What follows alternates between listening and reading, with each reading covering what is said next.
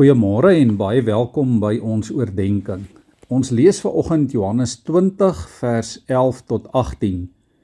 Dit is die verhaal waar Jesus na sy opstanding aan Maria Magdalena verskyn het. Vers 11. Maar Maria het buite by die graf bly staan en huil. Terwyl sy huil, het sy vooroor gebuk om in die graf in te kyk. Toe sien sy twee engele met wit klere aan daar sit wat die liggaam van Jesus gelê het, een wat die kop en een wat die voete was. Hulle vra toe vir haar: "Mevrou, waarom huil jy?" Sy antwoord hulle: "Omdat hulle my Here weggevat het en ek nie weet waar hulle hom nou begrawe het nie." Nadat sy dit gesê het, het sy omgedraai en vir Jesus daar sien staan. Maar sy het nie geweet dat dit hy is nie. Jesus vra haar toe: "Mevrou, waarom huil jy? Vir wie soek jy?" Sy het gedink dit is die tuinopsigter en sy het vir hom gesê: "Meneer, as u hom weggevat het, sê vir my waar u hom begrawe het en ek sal hom daar gaan haal." Jesus het vir haar gesê: "Maria." Sy draai toe na hom en sê in Hebreëus vir hom: "Rabboni." Dit beteken leermeester. Jesus sê toe vir haar: "Moet my nie vashou nie, want ek het nog nie na my Vader toe opgevaar nie.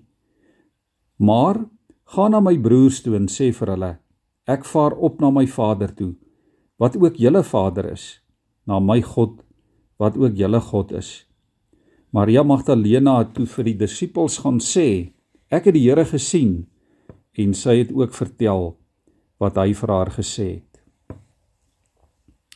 Liewe vriende, twee keer lees ons hier dat Maria nie geweet het nie.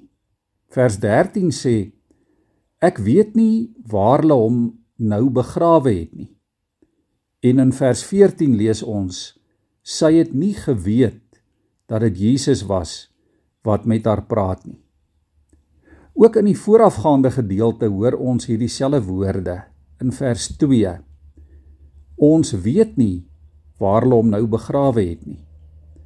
En in vers 9 die disippels het nog nie die skrif verstaan nie dat Jesus uit die dood moet opstaan nie.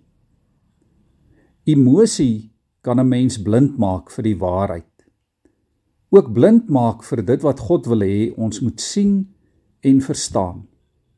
'n Paar keer word verwys na Maria wat gehuil het en vra die Here ook vir haar: "Waarom huil jy?" Onsekerheid, twyfel, hartseer, verlies, eensaamheid Dit kan jou blind maak. Dit kan jou ook oorweldig. So ook enige ander emosie. Emosies van woede, kwaad wees, selfsug, die najag van jou eie belange, jou eie ambisie. Dit kan meebring dat jy God se wil en God se doel vir jou lewe mis. Maria het nie die Here herken nie en emosie het haar oorweldig. Alhoewel sy Jesus geken het en hom liefgehad het en hom gevolg het, het sy hom op daardie oomblik nie raak gesien nie. Dit was eers toe Jesus na haar toe uitreik en haar naam sê dat sy hom erken as haar bekende leermeester en wonderwerker. En dan gee Jesus vir haar hoop as hy vir haar in vers 17 sê: Ek gaan na my Vader toe wat ook julle Vader is en na my God toe wat ook julle God is. En skielik is Maria se emosie onder beheer. Haar hartseer verdwyn, haar onsekerheid maak plek vir 'n ewige goddelike hoop. 'n Hoop waarvan sy dadelik die ander disippels gaan vertel het. Ja, liewe vriende, jy en ek leef vandag in 'n emosie belaaide wêreld. 'n Wêreld vol menslike drama en trauma en intriges. 'n Wêreld waarin die meerderheid mense leef asof hulle nie weet van die verlossing van God nie. Mense ken nie die Here nie. Hulle ken hom nie noodwendig as Vader nie.